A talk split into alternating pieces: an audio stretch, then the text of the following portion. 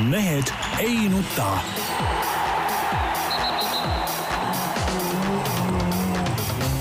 mehed ei nuta. selle eest, et mehed ei nutaks, kannab hoolt Unibet, mängijatelt mängijatele. tere teisipäeva, vaatamata sellele, et meil on esimene jõulupüha, on muidugi Mehed ei nuta ikkagi eetris. Tarmo Paju Delfist, tervist! Peep Pahv Delfist ja Eesti Päevalehest. tervist! Jaan Martinson Eesti Päevalehest, Delfist ja igalt poolt mujalt, aga noh, siin tuleb pattu tunnistada, et, et me ei ole otse-eetris äh,. saate tegisime ära jõuluõndsal laupäeval. ehk siis mitte, just jõululaupäeval, mitte päris laupäeval. jah, just, jõulu, jõululaupäeval, et ja. tulime siia kangelaslikult kohale ja see on nagu selline noh, nagu nii-öelda rahvakombed, eks ole, mis näevad ette erinevad tegevused ikkagi jõululaupäeval, eks, eks seal on saunas käimine ja surnuaial käimine ja, ja kõik need asjad, et samamoodi ikkagi see saate tegemine on hommikurituaal. jah. just sellepärast, et ikkagi teeme saate ära, lähme paneme sea ahju ja siis mina hea mõtlen ainult see söömise peale. no aga sa minu kõrtu vaadates, millele muud mõtlen? ei, seda muidugi, kõik on õige aga tegelikult jah, et, et meil nagu siga täna siiski ei tule, me sõime oma sea juba varem ära, mul on kogu pere ja lapsed ja lapselapsed, kõik on mööda väljamaad laiali. vot see on jälle saame..., Jaan ei ole suutnud nagu eh, patriootlikkust kasvatada oma lastesse. et püüdsin, püüdsin minagi siin kunagi eh, Jossi õigele teele suunata, ei ka ei saanud hakkama, sest Jaani no, tahan... algkasvatus oli juba nii nadi nagu. ma ükskord tahan näha kõike seda, mis eh, Peebu Margus poisist ikkagi nagu välja tuleb, et et ma seda hetke tahan ka näha, kus oletame, et äh, ma saan aru, et tänagi sa hilinesid meie juurde, sest Margus poiss tahtis minna korvpallihalli viskama, tunnustame teda selle eest loomulikult, aga mõtle, et kui ta treenides saabki nii heaks, et ühel hetkel on kutse mõne kuhugi välismaale mängima, ma saan aru, ma saan aru, et siis, siis ikkagi isa paneb jõuliselt oma käe ette, poiss pannakse koduaresti ja kogu lugu sellepärast, et sina tahad ei, teda ikkagi näha Eestimaal mängimas, nii nagu kõiki teisi korvpallureid eesotsas Siim-Sander Venega. jutt käib praegu ikka sellest, et ikkagi nagu päriselt nagu välismaale minna, nii nagu, nii nagu Joss Martinson on nagu mingi kliimapagulane, eks ole, talve eest põgeneb sooja. minu meelest normaalne no,. mis sa normaalne, ehk siis kui õige Eesti mees ikkagi trotsib lund ja tuisku tead. ühesõnaga Siim-Sander Vene on ka kliimapagulane. ei, tema teeb oma sutsu ära, tuleb tagasi. kust ta tagasi tuleb, läheb edasi ilmselt järgmisse kohta. lõpuks ikka tuleb. Jossis me nii kindlad ei ole. nii, kas äh, räägime poliitikast ka veel või? kiirelt, näiteks äh, mul oli, lugesin väga head kommentaari äh, Postimehest, kus äh, räägiti siis intervjuust äh, Jüri Ratasega ja küsiti, et kas üldse niisugust äh, asja on mõtet teha äh,. rahvusringhääling tegi selle intervjuu, et seal oli siis pikk, pikk jutt ja, ja inimene ei öelnud mitte ühtegi mõtet terve kogu selle jutuajamise. kas kuskil on kirjas, Jaan, et peab intervjuu jooksul ütlema kas või ühe mõtte? no on mingi reegel või? no jaa, aga miks sa teed, miks sa raiskad maksumaksja raha no küsitakse, viisakas inimene ikka ja. vastab. no kui sul tuleb tänaval vastu, lähed siit praegu ära, tulevad siin äh, Narva maantee äärest, tulevad kaks inimest vastu näiteks, äh, noh, vaatad võib-olla välismaalased ka, võib-olla ei ole, võib-olla on lihtsalt maalt, küsivad, kus siin Viru väljak asub, ikka räägid. Ju. viisakas inimene. No,, sinu puhul ma ei ole kindel. no jaa, aga see on sisukas jutt, näitad, Viru väljak on seal, eks, aga kui sa hakkad hämama, et oi, meie riigis on nii kõik hea ja Viru väljak on tegelikult jumalast lahe paik ja, ja häid jõule ja marsid minema, noh see ei ole konstruktiivne. mina just siia mõt-, siia tulles mõtlesin ka, mis need poliitteemad võiks olla ja ja, ja tulin nagu selle võrdluse peale, et esiteks jumal tänatud, on suhteliselt vaikus olnud nüüd viimasel ajal. mul, ausalt ma sõitsin, mul ei tulnud ühtki asja isegi meelde. mis omakorda viis mind sellele mõttele, et vaata, kus pallimängudes, jalgpallis, korvpallis räägitakse kogu aeg, milline on ideaalne kohtunik. keda pole näha. absoluutselt, see on see kohtunik, keda üldse nagu platsil näha ei ole, nad teevad oma tööd rahulikult, mõistavad õigust seal ja mäng kulgeb, peaosas on mängijad ja täpselt samamoodi on ideaalpoliitik ikkagi, on see, kes, kes päris nii ei saa ei, olla. ei, see on ideaalpoliitik on see, kes äh, elu riigis kulgeb niimoodi ja kulgeb kenasti üles mäge niimoodi, et sa poliitikud ei pane nagu tähelegi. Nad teevad ja. oma töö ära ilusti, nii nagu ametnikud, ametnike puhul kehtib täpselt samamoodi, kõik toimib justkui ja, ja sellist üleliigset möla lihtsalt ei ole. no jaa, aga vaata, Riigikogus on ju ka siuksed poliitikud, kes, kes ongi, nimesidki ei tea, eks ole kas see on ideaalpoliitik või? kui ta teeb, me ei teagi, kas ta teeb ütleme, see avalik eh, nii-öelda mölapidamatus ei ole kindlasti nagu hea poliitiku ja selline nagu hea töö tunnusmärk, kindlasti mitte. või sa kui... arvad nii, et on või? ei no ma arvan see, et, et keda nagu üldse keegi ei tunne, siis see on ka nagu kahtlane natuke. kuule, tegelikult, tegelikult peaks ju praegu niimoodi olema, vähemalt Keskerakonna äh, väitel, kuna nemad on teinud nii briljantset tööd ja kogu Eesti on väga õnnelik ja rahul, neil ei oleks vaja mitte sentigi kulutada valimisteks. sellepärast, et nad valitakse nii- või naa tagasi, sellepärast et kõik tahavad neid äh, uuesti järgmiseks oled reitinguid näinud? ei no siis on, aga milleks sa seda raha kulutad? minu vanaema, ma pean ütlema küll, käisin eile vanaemal külas äh, ja vanaema oli küll väga rõõmus, Jüri Ratas oli saatnud jõulukaardi näiteks, häid tuli pühi, häid pühi soovinud. mulle tuli ka see kaart., küll ei olnud nimeline, mis oli nagu Jah. väike selline nagu tõrvatilk seal meepotis. sulle ei tulnud see kaart jah? mul, ma ei ole vaadanud. ma vaatan postkasti nii harva see tuli juba mingi eelmine nädal või? isegi mul üle-eelmine ei, mulle ka vist ei ole tulnud. noh, poisid, aga tehke siit omad järeldused. ja ei, ega noh, ega mul on selle Jüri Ratasega on ikkagi ka kana kitkuda veel Riia päevilt, kui oli Kosovo EM, et võib-olla ta siis vaatas no sul oli see väga kahtlane siseinfo ju, me kõik Jah. mäletame seda. jah, just ja ma arvan, et, et andis, andis teada, eks Jaan Martinson talle jõulukaarti mitte saata. tema on paha inimene, ma usun, et nii läks. kuule, aga lähme nüüd spordi juurde ja, ja räägime aasta sportlase valimisest, mis nüüd äh, lõplikult teoks saab siis sellel nädalal vist kuskil, mis on kakskümmend Äh, neljapäeval, Jaan. neljapäeval jah, paned lipsu ette ja lähed kohale, mul ei ole lipsu. siis tuleb osta.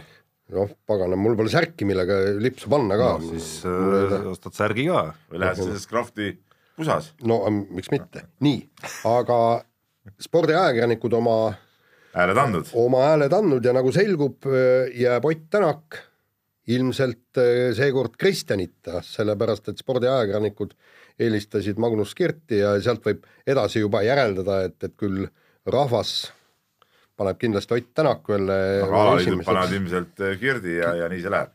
ja nii see läheb, et, et kuigi jah, ütleme niimoodi, et ega, ega spordiajakirjanike hääletusel oli ma, ma ei ütleks, et see on probleem, see on iga inimese enda arvamus, aga miks Ott Tänak esimeseks ei saanud, oli see, et, et väga paljud spordiajakirjanikud ei pannud teda üldse viie hulka. Äh, sa, sa ütled kuidagi, et sa ei tea, kas see probleem on, minu arust see on probleem, et see mi- mingites vaidlustes ja mingites aruteludes vahel äh, aastate jooksul on ikka käinud läbi ka selline äh, mingisugune nagu mõte, et äkki äh, kogu valik võikski olla spordiajakirjanike põhine, et äh, mis on ka olnud vanasti. nii. meie Jaaniga vähemalt kindlasti oleme. et minu arust, et, et minu arust sellised kohad ja sellised hetked ja sellised tulemused on just need, mis on probleem ja mis minul tekitavad tõrke, et kas ikka peaks olema see spordiajakirjanike valik. sest äh, mina näen siin probleemi ja näen just seda probleemi, et kui ikkagi on otsustatud, et Ott Tänak, et me võtame teda ka individuaalsportlaste arvestusse, siis ei tohiks olla kohta sellele, et ma nagu põhimõtte pärast ikkagi, minule ei sobi see lahend, et, et ta on seal arvestuses ja ma sellepärast teda ei pane sinna see, see minu arust rikub nagu võistlus nagu üldtulemuse ära, sest äh, ta kas on seal sees või ta ei ole seal sees. et nagu eelmine aasta sai sai juba asi nagu just. läbi vaieldud ja, ja läbi tehtud ja, ja oli parim ja, ja ongi kõik, eks ole, noh. ja, ja nüüd hakata jälle teistpidi siin ajama seda asja, no see on nagu totter. kusjuures sest see ei ole nagu, see ei ole objektiivne äh, hääletustulemus ja objektiivne lõpptulemus Ott Tänaku osas, kui osad äh, justkui kalkuleerisid ta sellesse individuaalsportlase arvestuse sisse eelmisel aastal juba, eks mees võitis ka ja, ja, ja teised ikkagi mingil põhjusel kuidagimoodi siis äh, mõtlevad nii-öelda mingit oma loogika sinna juurde. aga no ankeedid lähevad, spordiankeedid lähevad kõik vastavale Facebooki lehele üles, nii et sealt saab vaadata, kes on siis lolli mänginud ja kes on normaalse, normaalse sedeli postitanud. kusjuures ma ei ütle, et, et äh, Ott Tänak oleks pidanud võitma, sellepärast et tegelikult on tõesti, ega, ega endalgi oli fifty-fifty, eks ole. ja endalgi oli väga, väga raske valik äh, Magnus Kirdi ja Ott Tänaku vahel ja nagu äh, üks meie tippsportlane, temaga pikemalt arutasime seda Eesti parima sportlase teemat ja, ja tema ütles väga, väga kenasti, et miks tema eelistas Kirti, on see, Kirt ületas ennast, Ott Tänak ei ületanud aasta lõikes. ja, ja, ja, ja täpselt see on noh, minu meelest pi- piisav argument, aga et Ott Tänakut jätta viie hulgast välja, no see ei ole õige. sa paned ta kolmandaks, neljandaks, sa, kui sa, kui sa isegi paned need medalid, eks, et ütleme Võib- vähemalt viies siiski, ütleme sellest alla on nagu väga raske leida nagu Ühtegi- objektiivset ühtegi kohta, kui sa juba kui sa nii-öelda võtad ta arvestusse, siis allapoole, allapoole viiendast on väga keeruline kohta leida, et seal esimene nelik tõepoolest on, on selline, kus annab nagu argumentidega argumenteerida, ütleks mina vähemalt. et, et seal on ikkagi nagu mingeid argumente ei näe, aga noh, ei no ütleme, seal on vähemalt ütleme see, see nelik Tänak, Kirt, Novosjolovi, Uibo, eks ole, on, on selline nelik, keda on võimalik minu arust argumentidega neliku sees, jah. on võimalik võib-olla ettepoole Tänakust panna, aga sealt edasi mul on küll keeruline näha seda, seda argumenti, kuidas Tänak nagu veel viiendast tahapoole jätta.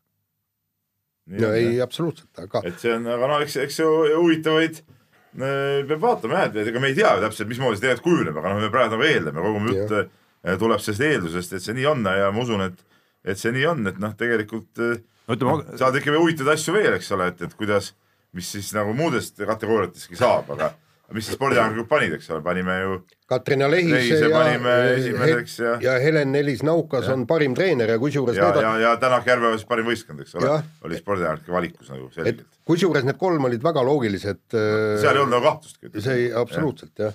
ja, ja, ja kui see nii nagu, kui seal tekiks ka mingi anomaalia, siis see oleks ka nagu totrus, et, et äh, jah, ei mina, ei mina nagu tegelikult erinevalt äh, Tarmost, okei okay, jah, sa tõid nagu õige nüansi nagu välja, et, et, et mõned spordiajakirjanikud hääletavad ka nagu kummaliselt, aga tervikuna muidugi mina tooks küll kogu selle hääletuse ikka ajakirjanike kätte nagu tagasi ikkagi.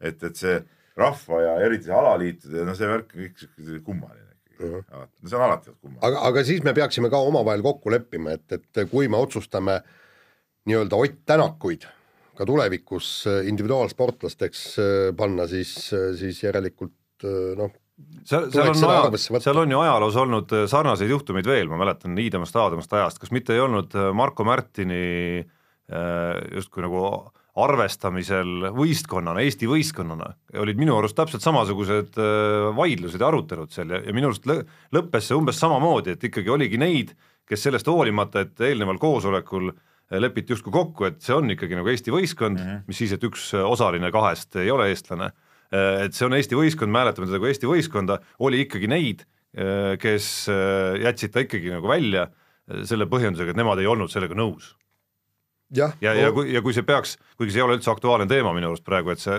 valimine peaks ajakirjanike kätte ainult minema või on kuskil Ei, see alles endiselt et, et noh, peaks, et peaks arvestama, et see ei ole mitte ainult õigus valida või, ja privileeg, vaid see on ikkagi ka vastutus. just Nii., nii, lase kõlli.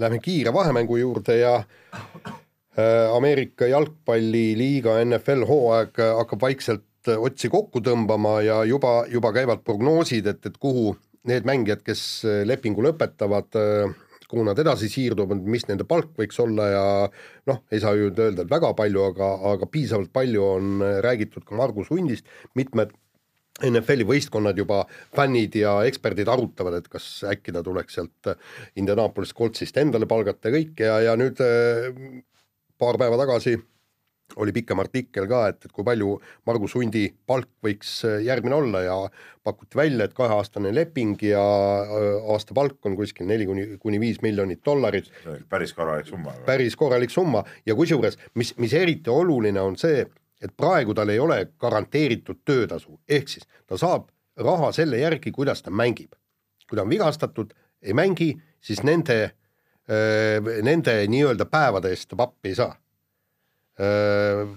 palk on väiksem, aga, aga nüüd pakutakse välja, et umbes kolm miljonit on sellest garanteeritud, ehk siis kui ta esimesel treeningul saab vigastada ja järgmised kaks hooaega enam platsil ei käi, tal on ikkagi need kolm miljonit laekuvad pangaarvele. No mees on ikka vägevasti üles töötanud ennast, midagi ei ole väga vägevasti jah. aga jaa, nüüd oli ka siin äh, pühapäeva õhtu oli mäng, et kuidas, kuidas ta seal silma paistis. meeskond võitis, aga, meeskond võ- aga võitis, ma ei aga näinud nagu sinu poolt mingeid äh, säravaid pealkirju seekord. Ütleme niimoodi, ei, mis äh, Unt, Unt mängib, tähendab äh, nagu seal jällegi äh, kas haaras kellelgi puusast ja riivas kellegi puusa korraks? äh, no rammis seal, rammis seal vehi näiteks ka, kahel korral oli niimoodi, et ta tormas vedurina selle quarterback'i kallale, mängujuhi kallale ja see, et, et selleks, et üldse noh, nii-öelda ellu jääda ja kõik ja, ja pidi selle palli viskama, jumal teab kuhu, täiesti suvalistesse kohtadesse plönnis selle palli, nii et nii et Unt, Unt tegi ja Unt lõhub, vot seal oli jällegi see pikem artikkel, kui kirjeldati, kuidas see Unt seda kaitset lõhub, eks. et tema on nüüd siin äh, kaitse keskel ja, ja ma, ma nagu kolleegidele näitasin ka neid videoklippe, et tema tormab quarterbacki kallale ja talle saadetakse kaks meest peale, sellepärast ühe mehega teda kinni ei pea. ja siis kõrvalt jääb keegi vabaks ja see võtab selle quarterbacki maha, et, et ta on ikka tõhusa, tõhusat tööd teinud ja, ja Colts võitis ja, ja äh, Pittsburgh Steelers täielikus trilleris äh,, öine mäng oli, vaatasin seda ka äh,, kaotas ja nüüd ongi täpselt nii, et, et NSC Titansi võidad viimases voorus, oled play-off'is ja kusjuures play-off'is võib juhtuda mida iganes sest kui ikkagi sats on vist, vist on üheksast viimasest mängust kaheksa võitnud, et tal on ikkagi väga hea minek. aga, aga, aga tore, et et, et Eesti mees leiab niisuguse niši, et läheb mängima Ameerika jalgpalli ja, ja suudab, suudab ennast miljonäriks treenida ja siin on tegelikult mõte, meil on ju niisuguseid suuri turskeid ja külamehi küll ja veel võtta. et, et proovida ka kuidagi läbi lüüa. mehed, kes siiamaani tegelesid ainult küladevahelise köievõistlusega, võib-olla peaks hakkama Ameerika jalgpalliga hoopis tegelema. no absoluutselt, jah jah, no ütleme, kui me meenutame Margus Hunti tollest ajast, kui ta oli omaealiste parim kettaheitja, siis noh, ütleme, tegemist oli üsna kauge, kauge asjaga sellisest tavalisest köietõmbajast külamehega. et tegemist oli ikkagi päris kõva ürgtalendiga et see, see ütleme, kui sa vaatad enamikke kettaheitjaid isegi, tippareenil, noh siis, siis sa näed, et Margus Hundis on midagi nagu, midagi teistmoodi seal, et see nõtkus ja võimekus, eks ole. huvitav, aga päris, aga ketast, päris ketast enda ma ei saanudki, noh. mis on huvitav tegelikult. no jah no,. ütleme meeste kettaga tal ju reaalselt vägevaid tulemusi ei tulnud. kas tal kuuskümmend sai üldse üle või? ma seda ma isegi ei mäleta praegu.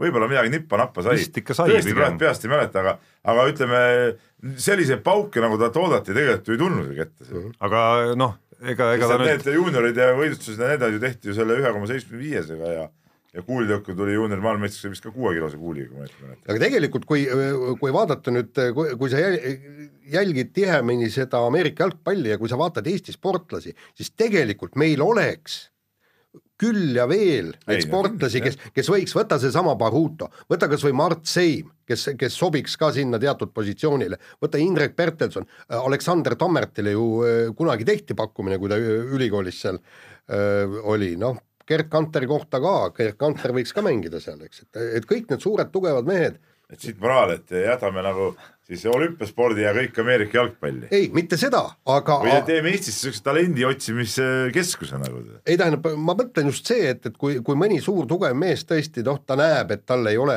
võimalust oma spordialal maailma tipus läbi lüüa, siis, siis miks mitte minna Ameerika ülikooli, proovida seal kehalistel katsetel läbi murda ennast meeskonda ja saab hakkama küll. no tõe huvides olgu öeldud siis, et kuuekümne meetri piiri alistamine tal nagu väga suur probleem ei olnud ikkagi, et ta tegi seda korduvalt mitmel aastal ja kuuskümmend üks, kolmkümmend kolm jäi. nojah, aga ei ole mingi erinev tulemus tead, noh, jah. sellega nii. tähti alla ei too. nii, aga vahetame teemat, äh, ajakiri Autosport oli siis see, kes äh, traditsiooniliselt seadis ritta maailma parimad võidusõitjad ja kui me siin Jüri Vipsist saime ja tema koha üle saime rõõmustada ja rõõmu tunda mõned kümned varem selles tabelis, siis äh, kui asi läks viimase kümne juurde, jõudis kätte ka Ott Tänaku kord ja Ott Tänak tänavuses tabelis neljandal kohal, eespool Sebastian Ogier'st ja Sebastian Vettelist. rallisõitjatest kõige kõrgemal. kõige kõrgemal jah, no aga see, see on noh, puhtalt loogiline, vaata Peep, me oleme jube palju siin äh, vaielnud, eks, et kumb on kõvem, kas Ogier või Ott Tänak. sinu argumendid on, et Ogier, kuna ta on maailmameister, eks. ma arvan, et äh, Ott Tänak vahetaks iga kell Äh, koha selles autospordi tabelis maailmameistritiitli vastu, nagu üldse ja. ei oleks nagu küsimust ja. ka. ei no loomulikult noh. aga, aga, aga lõpuks tulemus ikkagi maksab, et noh, nii ongi noh. jah, aga, aga samas oli seal äh, autospordi leheküljel oli ju pikk ülevaade äh, sellest, et miks Ott Tänak nii kõrgele on asetatud ja kõik tema hooaeg äh, lahti võetud ja, ja, ja öeldi, et temal on tegelikult hämmastav statistika, kolmkümmend kaks protsenti kiiruskatsetest, mille ta läbis Äh, oli ta esimene, oli ta kiireim. et, et ühelgi teisel rallimehel pole isegi ligilähedalt äh, sama vastu panna, et kui me räägime kiirusest, jah, Ott Tänak on kõige kiirem äh, rallimees. kui me räägime, kas ta on parim, vaat siin tekib äh, kahtlusi, sellepärast Ogier on taaskord maailmameister. nii on, aga see esikolmik muidugi, olgu ka öeldud, Lewis Hamilton, Fernando Alonso ja Jean-Eric Verne noh, aga miks mitte, Alonso tegi ju ütleme nii-öelda sitast saia nagu no,. tegelikult just. ju täitsa olematu masinaga ju sõitis kogu seda sarja. jah, ja Vernon noh, ju ta kihutab nendel vormel E. MM-il nii kõvasti, et, et ma, ma küll neid see on ei nagu, ole nagu minu vaadanud. radari alt ka just välja läinud, ma mõnikord mõnda üksikut võistlust olen vaadanud, et, et äh, aga, aga noh, sealt mingit arvamust seal kujundada nagu on nagu raske. nii, aga äh, Gerd Kanter siis, meie legendaarne nüüd juba endine kettaheitja, on siis asunud treeneri töö äh, kallale ja, aga noh, ütleme keeruliselt läheb tal see asi, et äh, poolakast siis vana konkurent Pjotor Marhovski on tema käe all ja, ja olid nad siin Tallinnas treeningut tegemas, kui, kui Kanter küsis siis poolakalt, et kelle nii-öelda kurk kuivas juba suurest trenni tegemist, et kas tahad õlut, aga poolakas ei jätnud vastu võlgu, ütles viina.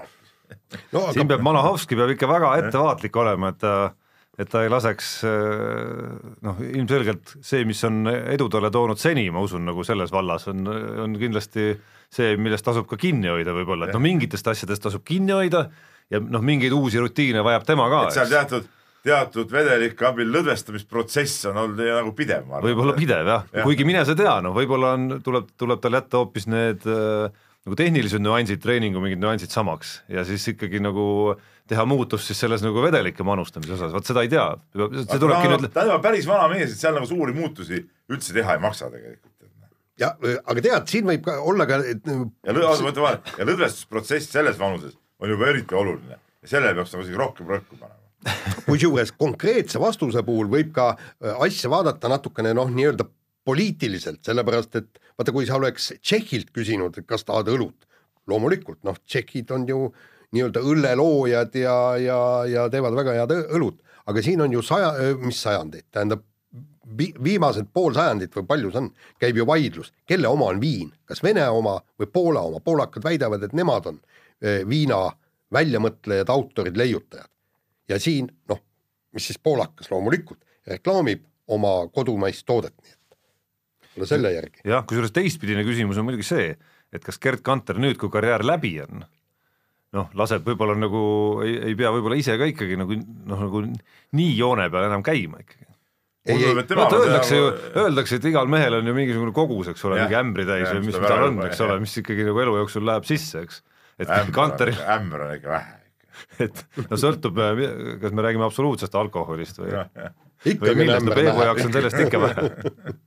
et, et Gerd Kanteril ei maksa nagu liiga pikalt edasi oodata seda starti, edasi Ei- lükata. mulle Ei, ei. tundub, et tema nagu jätabki oma ämbri nagu võtmata. jätab sulle selle. seal mingi tasakaal peab olema, eks ole. ei, ta kuskil viimases intervjuus ütles, et ei, kui on ei, siis on ei ja, ja ta, ta on lõbus ka ilma ämbrita. nii, aga võtame järgmise teema ja Eesti jalgpallifännid äh, on ääretult pahane ja teatasid lauluga, et, et see on täielik jama, et Eesti Jalgpalliliiga alustab juba veebruaris ja, ja esimene voor, nagu ma siis ka uudistest lugesin, peetakse Vapšee sisehallis. no see on ju, see ongi nagu täie idiootsus. no nad vist laulsid rohkem ajaloost minu arust, siiski. nojah, aga no see, et on olnud niimoodi, et äh, on, et on, on tulnud nii-öelda olude sunnil viia sisehalli mõned mängud. No aga see oli, kas see ei olnud veebruaris, mitte sel aastal isegi? aga veebruar ei ole ju aeg, millal mängida Eestis jalgpalli. Ei no mind sa ei pea veenma tulge selles. mõistusele, no Aivar Pohlak, no mis asja, ei no aga MM-i ajal tuleb paus ikkagi teha.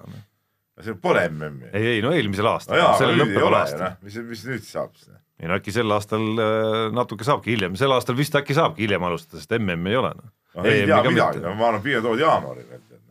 ei, aga tegelikult no jalgpall, ma olen siin alati rääkinud, kümneid kordi, jalgpall on suvine spordiala, saage aru sellest, eks. Peep, tegelikult on ju see, et, et vaata, kui äh, meil jalgpalliajakirjanikud on ju üllitanud viimasel ajal ka mi- väga mitmeid artikleid ja, ja ka klubijuhid on arutanud seda asja, et tegelikult tuleks kogu see jalgpallitšempionaat äh, kuidagi ümber muuta, nagu nad räägivad, et, et ei ole mõtet mängida neli vooru ja kõik kõigiga läbi, ehk siis ta, öö, esimesed mängivad ka tagumise poole võistkondadega. no nagu nad on juba mitu korda soovitanud, et, et lööme selle pärast kahte esimest vooru pooleks tšempionaadi ja siis ülemine tipp mängib omavahel, alumine omavahel ja, ja, ja sellega siis on ka mänge vähem ja siis me saame ka hiljem alustada. kuidas soomlased saavad hiljem alustada? no saavad muidugi, ei no kalender võib ju vabalt ka nagu tihedam olla siiski. nojah. kas, kas see on jalgpalli ja ütleme, mõne muu ala erinevus nagu nii suur, et jalgpallis selline nagu üks mäng nädalas on kuidagi nagu justkui nagu mingisugune norm, et eurosarja klubid ju mängivad mängivad. tihedamini. no siin tekib muidugi see, et meie need klubid ei ole nii, nii paksud nii-öelda, ütleme nii, et neil ei ole nagu nii palju ressurssi võib-olla, et et kahte mängu nädalas mängida, vahest ei no mitte iga nädal, ei mitte iga vahest, nädal. vahest juhtub võib-olla ka praegu isegi, ma ei ole nii täpselt seda On olnud, Ikka üksikud nädalad on jah, jah. Et, et, et küll saaks tead.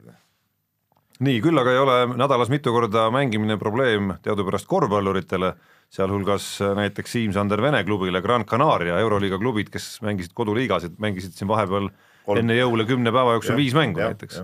ja üks nendest mängudest Gran Canarial oli siis ka Siim-Sander Vene esimene mäng lõpp, lõppenud nädalal siis ja olümpiaakose vastu see toimus ja Siim-Sander Vene oma debüütmängus Gran Canaria särgis Euroliigas tegi siis kohe oma Euroliiga punktirekordi, viisteist tükki tuli neid kokku. ei, see ei olnud debüütmäng, ei, debüütmäng Gran Canaria särgis.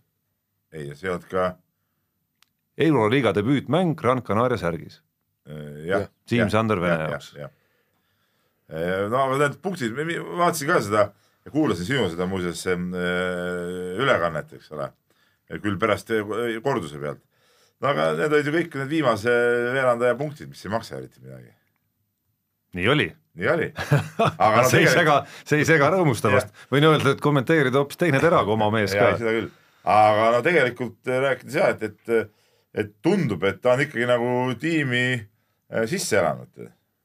et, et äh, selles suhtes nüüd ka oli nädalavahetusel mäng, noh okei okay,, loomulikult seal minutid ei olnud nii suured ja punktiskoor ka nii suur ei olnud, et ta ei olegi nagu võib-olla see mees, kes peaks iga mäng siin viisteist punni tegema, eks ole, aga oma mingisuguse rolli jaoks on ta sinna võetud ja, ja, ja tundub, et, et treener seal selle koha peal teda usaldab. no üks asi, mis on silma jäänud nüüd äh, nendest äh, Nendest kõige esimestest mängudest, kusjuures sul oli õigus ja mina ja ei, ma praegu mõtlesin sama asja, et mul ikkagi on õigus. neli ja pool minutit eelmise mängu vi- neli ja pool viimast minutit. just eelmise mängu lõpus, kus, kus ta ka Jah. tuli ja hakkas uhama, eks ole.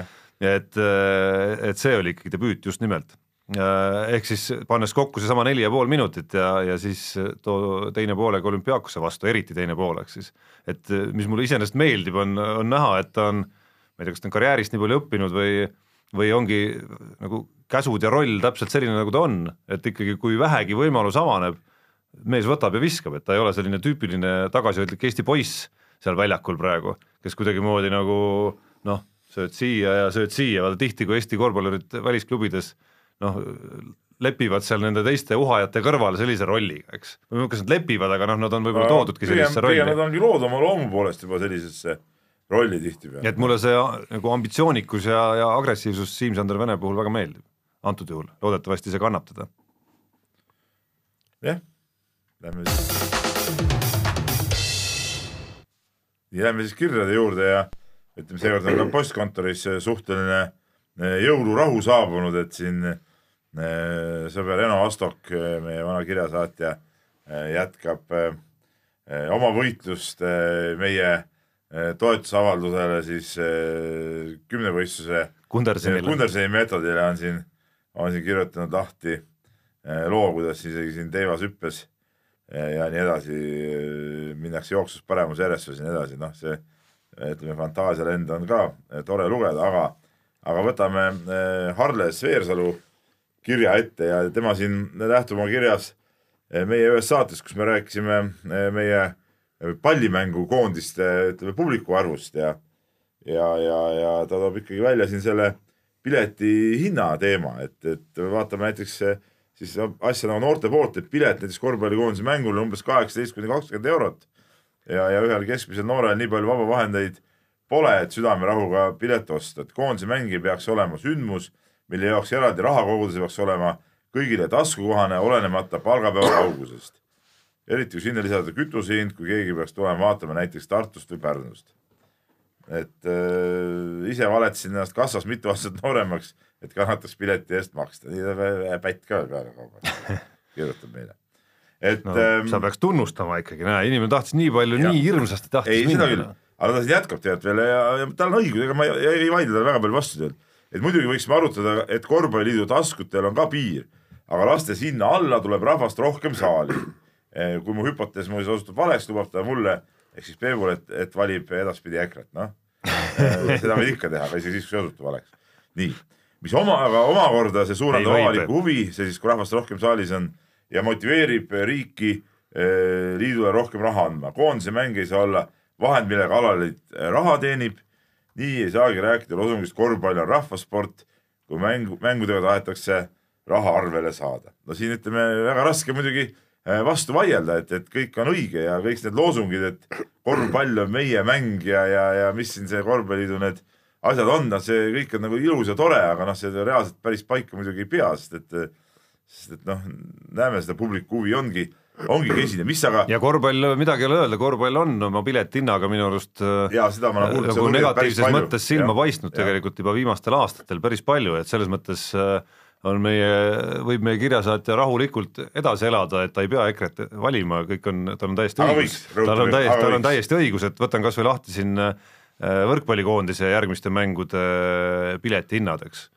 täispilet kümme, õpilased, üliõpilased seitse, noh, niisugune tundub ikka nagu selline nagu mõistlik. ja me ütleme Tartus, kus enamus ongi üliõpilased, need erad saavadki enamus eh, pileteid seitsmega. just, ja me räägime nüüd satsist, kes on selline, ütleme Euroopa seal Muuseas, kü- kümne piirimail siiski, kahte mängu korraga, sellepärast naised mängivad ju enne. kas mitte sama päev ei ole mõlemad mängud jaa, täpselt nii, ja saad mõned mängu selle piletiga vaadata ilmselt, eks ole. jah et ja, ja, ja, ja see naiste mäng ei Ja ole no- mingit ilulilu. absoluutselt, seal on väga, väga mõisa peale mäng ikkagi. finaalturniiri kohad on mängus. jah, täpselt, et selles suhtes äh, aga, aga noh, natuke muidugi äh, jälle vot see tuleb ka sellest, et, et kas see on nagu huvi või kas inimesed nagu, nagu ihkavad neid mänge ja, ja asju vaadata, ma mäletan seda, kui see oli tuhat üheksasada kaheksakümmend kuus vist, kui Kadrioru staadion oli värskelt renoveeritud, Jaan, sina mäletad seda, siin toimus Liit-Saksa TV kergejõustiku maavõistlus. Jah, ja, ja, ja ma teadsin seda, et piletid tulevad müüki, seal mingi päeva hommikul kell kümme seal äh, vana, see Dünamo vana ujula, mis oli siin vaata Aia tänaval, jah, just. seal, seal tulid müüki. Ja, ja, ja mina sõitsin äh, esimese rongiga hommikul äh, mingi viis äh, millegagi tuli rong välja, sõitsin Tallinnasse ja ma ei olnud esimene inimene, kes seal järjekorras oli, kuna seal tollal oli see kollektiivtellimuste värk, et teada oli, et ükski müük teeb vähe pileteid. Ja, ja tulin sinna, seisin ja sain pileti, sest ma tahtsin minna, see oli päris kallis ka tol aja kohta see pilet, kui ma õieti mäletan, aga noh, ütleme see raha kuidagi oli olemas ja, ja, ja, ja, ja ma ütlen, kui huvi ikkagi on, onju, siis ei huvita sind see, see hind ega midagi, noh, sa leiad need vahendid või omal ajal Kalevi spordihalli, noh, läksid, ostsid selle pileti ära, läksid, nii kui uksed lahti tehti sisse, et trepi peal saaks normaalse istekoha ja nii on, tead noh. et noh, ma tahaks näha, kas tänapäeval keegi niimoodi käib, tead noh. kuule, selle kergejõustikumatši kohta, millised spordifännid oldi, oli see, seal ju püstitati vasara heites maailmarekord. kaks maailmarekord tehti, seal tehti ka kaugushüppe maailmarekord. Ja kaugus ka, Aike Drexler ja Juri Zedek Vasareit. just, ja ma töötasin äh, tehases Ilmarine spordimetoodikuna ja tööpäeva lõpus spordi, spordimehed, vanad spordifännid, kõik niisugused vanad karud, mõned olid kuuskümmend, seitsmekümne alla, kõik niimoodi, läksime kollektiivselt, istusime äh, bussi, siis trammi, sõitsime staadionile, palusime staadioni juhatajat, Sika oli äh, to toona juba saada staadioni juhataja, meid väljakule lasta ja me otsisime selle vasaraaugu üles kus oli, enam-vähem oli te- teada, kus oli ja vaatasime, kus oli, kus oli siis see kõige kaugem auk ja me vaatasime seda, me noh, isegi selleni mindi, mindi asi välja, et sa lähed seda auku vaatama, aga mis siis kossupiletite puhul, kui mina nüüd, kui mina olin äh, noor, siis oli probleem hoopis teine. probleem oli see, et, et pileteid ei olnud saada, kõik kõik, kõik need müüdi välja, aga õnneks ma mängisin siis Keskrajoni spordikoolis korvpalli ja, ja treenerite kaudu anti meile pileteid tasuta pileteid iga, iga sats, no ma ei tea, igal juhul nii palju ma mäletan, et mul, ma ikka igal mängul olin kohal. ja teine asi oli see, et äh, siis oli äh, putkatädi, kus piletid müüdi, oli segatuttav ja siis sealt tagant ukse kaudu teinekord andis ja siis oli seisukohapilet oli kolmkümmend kopikat, et selle kannatasid. sellega saikski trepi peal istuda minna. just täpselt ja mina, mina olen alati see, kes seal alati seisis seal tunde enne juba ja, ja sai pileti ja kohe sisse siis istusidki seal, ootasid, millal see ükshaaval tulid mingid mängijad seal natuke viskama ja nii edasi, aga pärast juba, kui ma töötasin autotranspordi baasis number neliteist, siis me tegime seal ka kollektiivtellimusi, saime nagu, nagu paremaid kohti ka.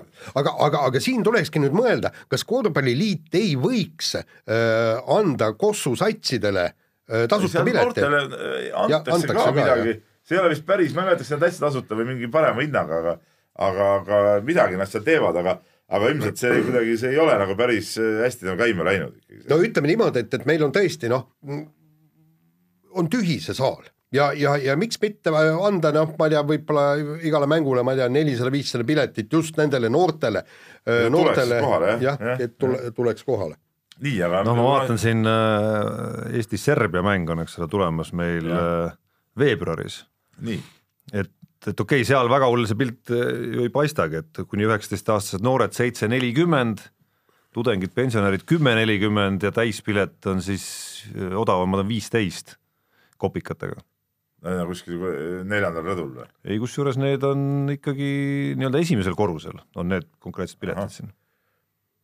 no aga viisteist ikka ka nagu suur raha jälle. ütleme, lähed seal ei no eriti, kui sa perega hakkad minema Jah, näiteks. siis see on ikka päris, päris suur asi. nii, aga meil siin kirjad tulevad ka WRC teemadel, aga meil on WRC teema on järgmise ploki kohe ava, avajutuks, et selles suhtes võime rahulikult sinna edasi minna. nii, paneme siis WRC-ga edasi ja Rally MM-sarjas on siis asjad nagu selgub paigas, et M-sport siiski kinnitas, et äh, osaleb No arvata, no seda oli arvata, aga noh, tähendab kogu küsimus oli, kas, kas ütleb õigel ajal või, või siis palub, palub ajapikendust, ütles ikkagi õigel ajal ära ja, ja selgub, selgub selgubki, et, et kahe mehega, Elfin Evans ja Teemu Suninen, küll aga mis on pluss, on see, et, et kaks esimest rallit teeb kaasa Pontus Tiidemand, kes on WRC kahes ennast väga tõsiselt näidanud. Ja kusjuures tegin äh, suvel in- intervjuud Timo Jouhkiga, mis, kes on nii-öelda, ta peab ennast ja ta ilmselt ka on, et maailma parim ralli äh, mänedžer. Ja, ja ma küsisin, et, et äh, mis on Tiidemandi probleem?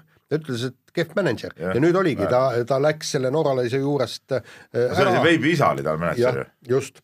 Ja läks sealt Norrala sealt ära ja kohe saigi kl- klõks kaks ja rallit, ise pole kuskile saanud. just. Ja, ja aga praegu ongi nii, et, et tal on ikkagi, kui ta no, No, suudab, suudab nende kahe no, ralliga midagi näidata. selle Tiidemandi äh, variandi peale, et äh, ei ole väga hea variant tegelikult. Ja ei ole väga hea valik ka minu arust, okei okay,, Rootsi talveralli jah, mõistlik, aga kas sa mõtled seda Montesse minna, no see ei ole nagu see koht, kus ta, kus ta äh, võiks teha mingit hirmsat tulemust, väga keeruline ralli, ülikeeruline ralli, lihtsam oleks olnud. Selleks, et minna Rootsist täispangale, võib-olla võtta siin äh, mõni Soome või äh, näiteks La Lapland ralli, kus, kus noh, päris kor- korralikud tingimused on tavaliselt. ütleme seal teha väike esimene sõit äh, WRC-ga lumel ja siis minna sinna Rootsi rallile. aga me ei tea ju, mis tingimused M, ei, M-sport ei teagi, ma räägin, ma siis mõtlen nagu sportlikus mõttes tulemuse peale mõeldes, et Montes on tal ikka väga raske üldse midagi saada. ei, aga vaata see, noh, samas eks see näitab ka üht-teist ära jällegi, midagi peaks näitama mehe enda kohta, et et see, kui sa paned ta oma nii-öelda noh, peaaegu lemmikoludesse ja ta saab seal hakkama, ei ole veel võib-olla nagu ülim näitaja. mina, mina temasse ei usu eriti, ma leian, et seal saaks paremaidki mehi võtta sinna kui see Tiidemann. ja aga, aga se- seal võib lihtsalt olla see, et, et M-sport tahab kohe ja ka- kahel esimesel rallil öö, vaadata, mis masti mees on ja kui selgub, on täiesti okei okay,, siis kuidagi mänedžeriga koos äkki surgitakse ka kolmas, neljas, viies ralli, et, et, et, et saab vend nagu jätkata, aga ikkagi mul on väga kahju, et kolm no ütleme niimoodi, keskmiselt head rallisõitjat, et Mats, Mats Östberg, Raik Priin ja Ha- Hayden Padon äh, peavad hooaja vahele jätma või vähemalt ühtegi tehasi, mingist WRC kahega sõitmisest isegi. just, et, et, et see, see on tegelikult kahetsusväärne, vot see kunagi ma ju kirjutasin ka artikli, et tegelikult oleks siin ruumi meil ka veel ühele tiimile, viiendale tiimile ja ka kuuendale tiimile leiaks sõitjaid. et, et, et siin, siin paraku nii need asjad on ja vaata, Peep, me oleme omavahel rääkinud, et see on ülivinge, et Ott Tänak suutis näidata õigel ajal, et ta on sõidumees jah, et, et veel öö, kaks aastat tagasi ta oleks kogu selles pundis olnud, kes, kes pääseb põllale, kes ei pääse. aga nüüd on noh, selge, temal ei ole nagu mitte mingisugust probleemi enam töökoha saamisega. ei seda muidugi jah, jah. Vahetame teemat, BC Kalev Cramo korvpallimeeskond lõpetab käesoleva kalendriaasta igal juhul VTB liigas esimese kaheksa hulgas pärast seda, kui siis nädalavahetusel saadi jagu võõrsil Krasnojarski Jenisseist ehk siis pilt paistab oma suure unistuse suunas liikumisel hetkel üsna okei okay., nüüd on küsimus, kas suudetakse niimoodi lõpuni välja panna või mitte. ma pean ühte pattu tunnistama, mis nagu äh, noh, mis ei olegi nagu õige tegelikult, aga aga see näitabki natuke ära, et, et see Kalevi mäng eh, oli siis, see oli laupäeva hommik, eks ole.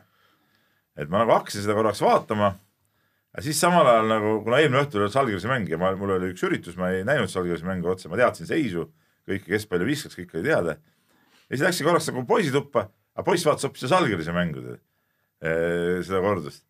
siis ma et pagan, see on ikka ägedam mäng ja, ja paningi selle, läksin, panin suurest toast ka selle Salgrise mängu ja siis sa, siis sa Peep, sa oled minu kallal võtnud päris kõvasti siin, kuidas ma ei ole patrioot, vaatan mingit välismaa sporti, mis asja, mingid tipud, omasid tuleb vaadata. aga ma ei saa midagi parata, No Salgris on minu jaoks kõige tähtsam meeskond, ma ei saa midagi no mina olen selles mõttes patust puhas, et tõsi, sel hetkel, kui see mäng otse pihta hakkas, läksin Aga- kodunt välja, sõitsin Kõrvemaale, tegin oma hooaja esimesed kümme suusakilomeetrit. kannatas sõita. kannatas sõita ja mõned lagedamad kohad olid natuke viie kilomeetri ringil, aga üldjoontes oli kõik väga, väga äge. ja aga ma ikkagi, ma ei mäleta enam, kas see oli õhtul, järgmine hommik, ma järgmisel hommikul ma vaatasin ei, ma ikkagi vaatasin üle. ka pärast eh, üle selle mängu, noh, Kalevi mängu ka ikkagi. Ja peale see Salgirise mängu kordus sai ka ennem läbi, aga siis ma pidin ka minema kuskile välja ja, ja siis ma vaatasin ka hiljem, aga no nii oli lihtsalt, mulle tundus, ma tahtsin nagu näha, et kuidas need seal, kuna poiss oli mulle kirjanud eelmist õhtust, et kus seal need tulid juba järgi korra ja siis seal jälle paar kolmest ja nii edasi, ma tahtsin nagu näha, kuidas see asi nagu käis. ja siis mulle see pakkus nagu suuremat huvi sel hetkel. kuidagi omapäraselt kergelt käis see, ma pean äh, nagu tagantjärgi nagu tõdema, et, et äh, et äh, noh, alati on omavahel väga suures seoses see, et see, kuidas sina mängid ja kuidas vastane laseb sul Jah. mängida ja, ja kuida- mida tema sulle peale surub. aga peab nõustuma, Alar Varrak tegelikult ka ülekandes täheldas seda, et ühel pool oli selline äh, Kalev Cramo kuidagi selline nagu väike ümbersünd isegi, kui meenutada seda Astana mängu, mis nägi nagu väga kole See välja, just nagu nagu emotsioon just nagu jah. emotsiooni mõttes, kus lihtsalt kulgeti läbi ilma noh, nagu vastu hakkamatagi, siis see oli nagu selge kontrast, aga Krasnojarsk ise oli umbes sellisel režiimil nagu Kalev Astana vastu.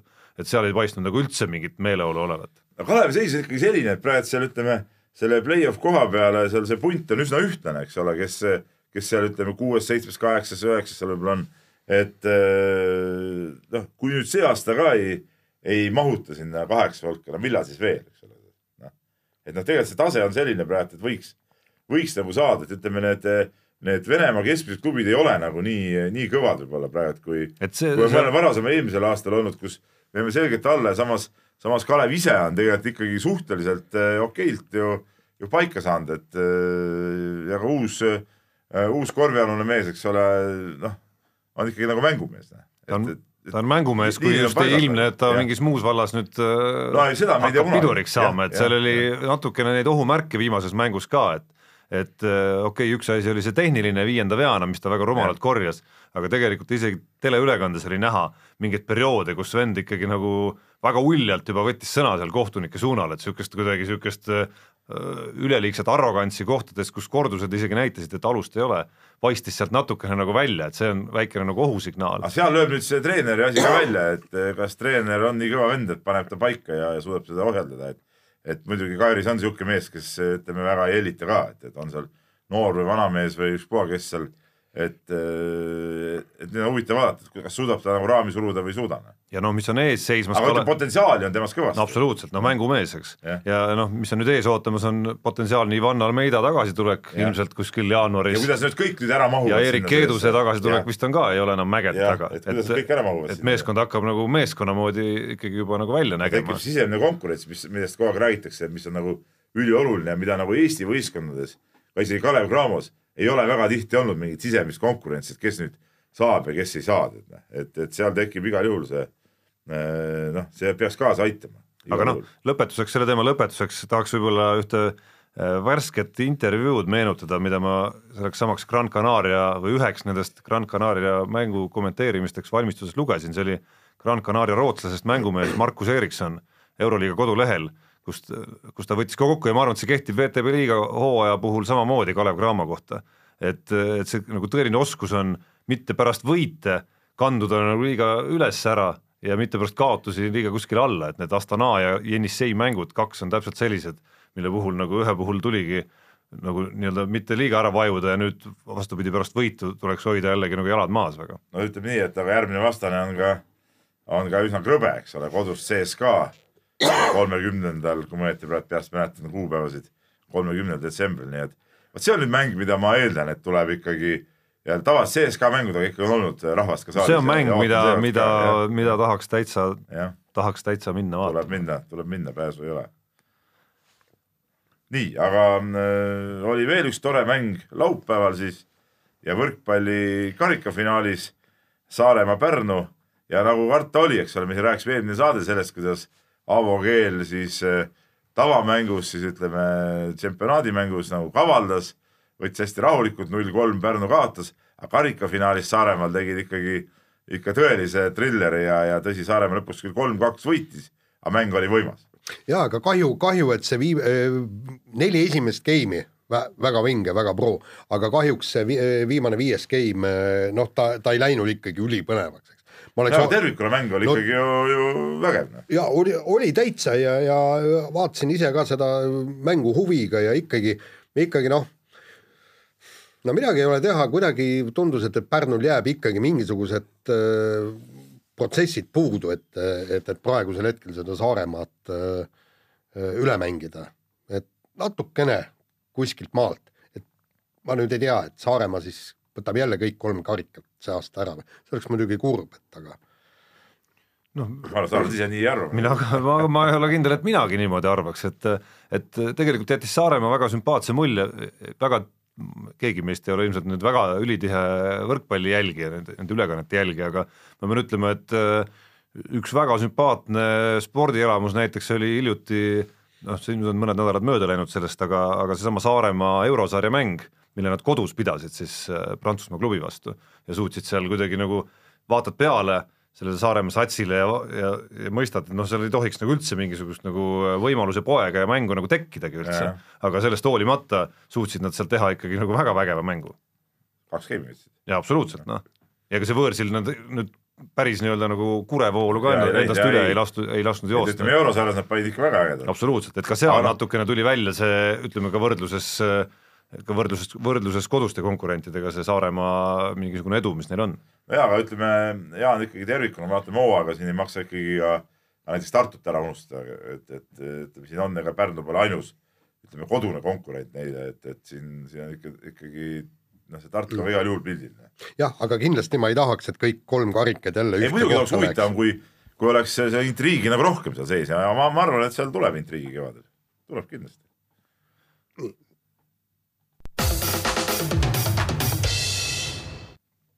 Ja kuna väljas on talv, siis äh, viimane osa on meil talispordist ja üht-teist toimub, Kalev Ermits sai laskesuusatamise MK-sarjas lõpuks silmad pähe, hurraa, plaksutame, hüpleme rõõmust ja kõik, aga tuleb kurbi uudiseid kahevõistluse poolelt, et ei ole kindel praegu, kas äh, Kristjan Ilves üleüldse saab Otepää MK-etapil osaleda, kas, kas tal ei ole hooaeg mitte üldse kotti pistetud nii-öelda, sellepärast et täiendavad uuringud viiakse läbi ja kuidas tema tervis on, nüüd äh, peaks äh, pühadevahelisel ajal selguma. aga lähme laskesuusatamise juurde, Tarmo, sina jälgid seda jälgin nagu jah, väga absoluutselt, nii nagu see on mul umbes samasuguses menüüs nagu siis, kui Kalev Cramo mängib ja ma õigel ajal ei saa vaadata, siis vaatan selle järele, siis eh, mis seal salata, eile ühe niisuguse õhtusöögi vahepeal isegi seal natukene vaatasin äh, ma nüüd ei mäleta, oli see naiste või meeste sõit, naiste sõit, ühistart, mille ma üle vaatasin siiski, et mismoodi see täpselt seal käis, ära eile,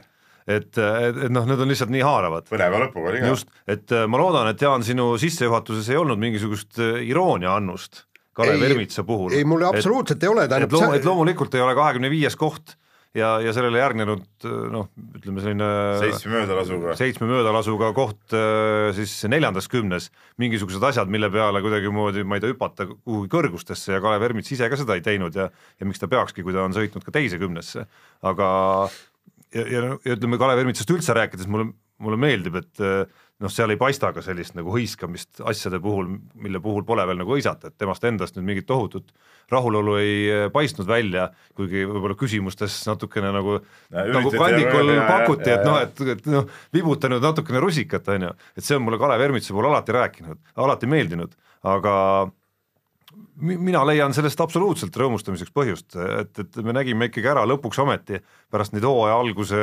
konarusi ja mingit väikest haigust seal, et et, et see on mees, kellel on võimekust ka sel aastal, ma arvan, mõnel etapil vähemalt esikümnesse jõuda ikkagi. no selge see, jah, laskesuusatamine ongi niisugune ala, et kui seal nüüd õnnestub nulli lasta ja enam-vähem sõita ka, et seal on võimalik kümne piiri peale tulla. see on üks asi, teine asi on see, et, et jah, see noh, see kohad kakskümmend viis ja seal kuskil, no minus nagu sellist emotsiooni võib-olla ei tekita kui sinust, Tarmo, et, et et see kõik on tore, aga kokkuvõttes noh, see ei tähenda nagu suures pildis nagu mitte midagi veel, noh, et, et oluline ikka see, oluline ongi see, kes sa tead sinna kümne piirile, aga selleks, et kümne piirile sõita muidugi, sul peabki olema stabiilne tase seal kuskil kakskümmend viis, kolmkümmend seal vahel, siis sa võid hea, heal päeval kümne hulka ka jõuda. et aga, aga lihtsalt see, et kui me nüüd äh, korra jõuame kahekümne viiendaks, äh, siis see veel minu, minus nagu mingit sihukest erilist emotsiooni tekita, sama, sama asi on, on see Regina Oja vist oli nelikümmend viis oli jäli, jälitussõidus, eks ole, et noh no ei, see Kalev Ermits oligi minu jaoks nagu nii-öelda positiivne kinnitus pärast hooaja alguse nagu ilmselget ärevust, et oot-oot, et mis nüüd nagu lahti on. kas tõesti on mees oma tasemes nagu järele andnud üldse, et vähemalt see ei ole praegu küsimus, see oli nagu see hea kinnitus.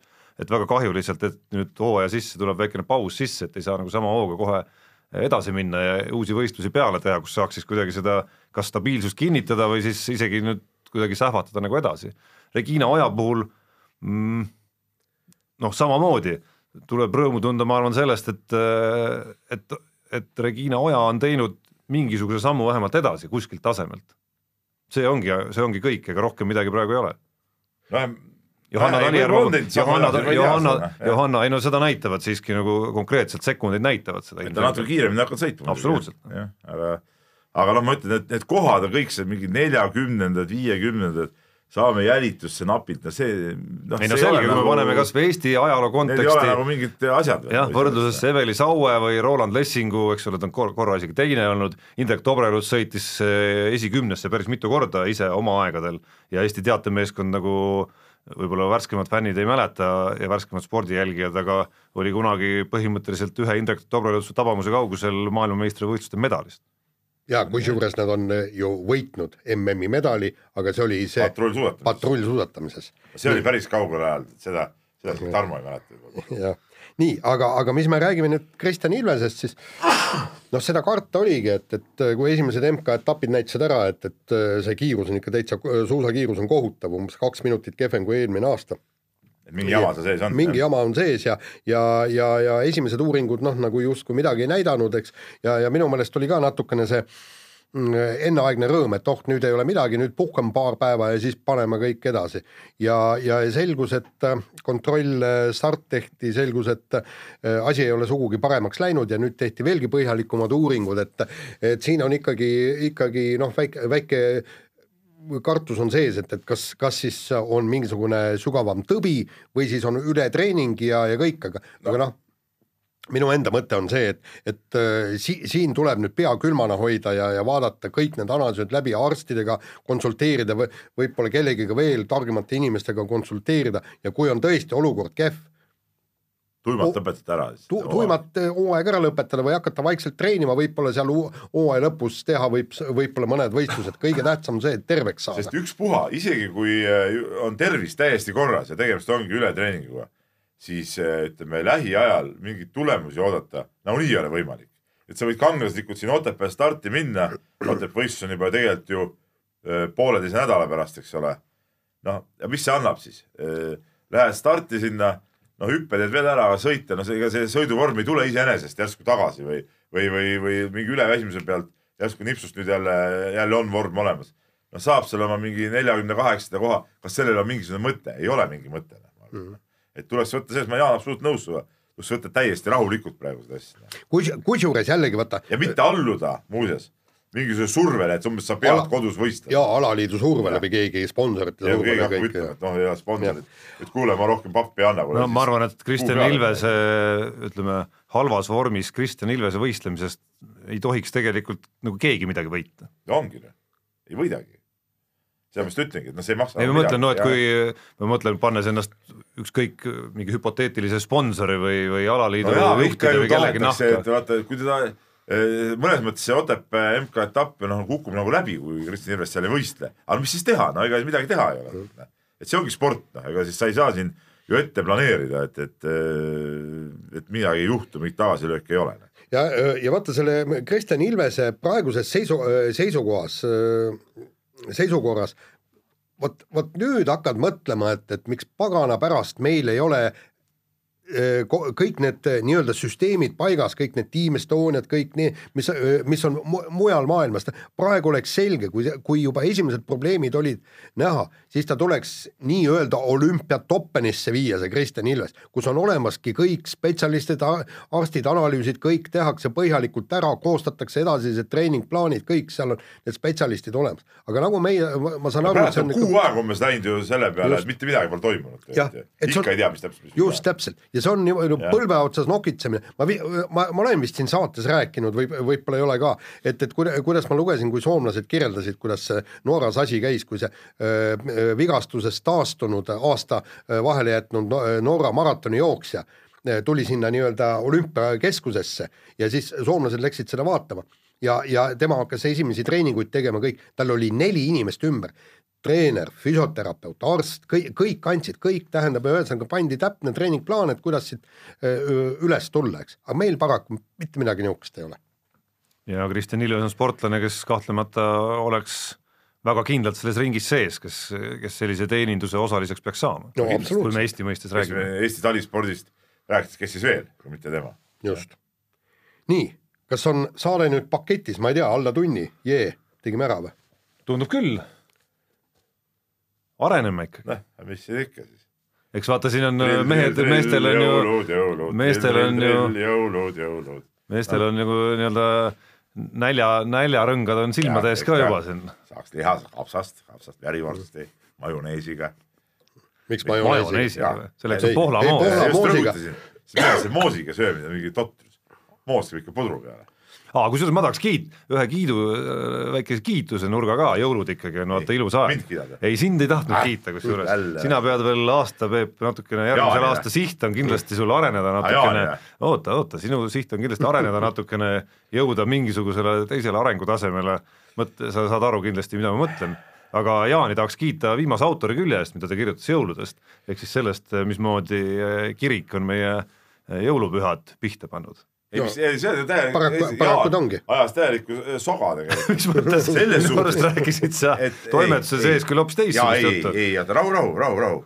soga selles suhtes, et kirik tegelikult ei ole midagi pihta pannud, sest et kiriku, ütleme kiriklikus mõttes ühtegi eestlasse ja jõuluga nii ei õnneks, seotud. õnneks eestlastele tõesti ei ole see külge jäänud. Ei ole külge jäänud. et, et, et ainus resümee, mis sul loos oli puudu jah, oli see, et eestlaste puhul see ei ole õnnestunud, aga kui sa maailmas ringi vaatad, ei, mis eestlased, minge, minge vaadake mingi, mingi, mingi ütleme kümnendik ikkagi, see on mingi kümnendik võib-olla, kes, kes on on- võib-olla no lasknud, lasknud, sellel juhtuda. käivad jõulude korra seal kirikus, ega nad tegelikult ka ei ole ju mingid kiriku inimesed, no see on, see on isegi kümnendik, isegi palju öelda, Tarmo tead noh. et, et tegelikult ikkagi jah, jõulud on ikka see, et, et saad kinki ja, ja vahest käib enne päkapikk seal tead ja nii, saab hästi süüa ja puhkepäevad on näiteks, eks ole, see on nagu jõulumõte. et see võiks olla see, kuuseke, kas kuusk käisid ise metsas saagimas? et see võiks olla see kiitus ei. praegu. mina iga aasta olen käinud, aga sel aastal jääb vahele. Polegi kuuske või? ei ole jah, aga kuna mul kolimine täpselt äh, pooleli, siis mul lihtsalt ei olnud mõtet sellega tegeleda. aga meil on vähemalt jõulupärg olemas. punane lint ümber. See on kahtlane muidugi, ei kui ikka midagi võtta, siis, siis ikka tuleb metsast läbi käia. erinevalt Peebust muidugi mitte röövretkel, Ei, vaid ma- ametlikult RMK metsas saata ilusti sõnum, maksta selle eest ausalt, ausa kodanikuna. siiski kõik on makstud, kõik oli ametlik. ei no mingi, mingi areng, nii et ma saan sind, saan, kuuske korralik toas. aga, aga, aga saan muidugi sind ka kiita siis. linnakorteri probleem on see, et, et ei viitsi seda kuuske välja viia ja siis kuskil jaanipäeva paiku hakkavad need okkad, viimased okkad maha kukkuma, ei mul oli, ma ütlen kusjuures Jaan sulle selle jutu peale märksõna õunad ja võime saate ära lõpetada. ei, ei kuule, me, mul kunagi oli, me La- Lasnamäel viisime, panime rõdule, et viime välja, viskame noh, sealt rõdult alla, eks. ja, ja unustasime põhimõtteliselt selle kuuse, kuuse sinna ja siis äh, kui noh, seal rõdul nagu muud ei käinud ja siis jõulude paiku järsku lähed rõdule, vaatad, oi kurja, kuusk on siin ja siis öö, öösel viskasime kuuse alla, panime prügikastide kõrvale. ma arvan, et rahval oli nalja, kui palju vaata on mingi jõulukuusk on tead seal jaanipäeval vaikselt toast ära toodud, et nii, aga nüüd lähme siis õgima. lähme õgima. ja kuulake mind nädala pärast. jaa, mehed ei nuta.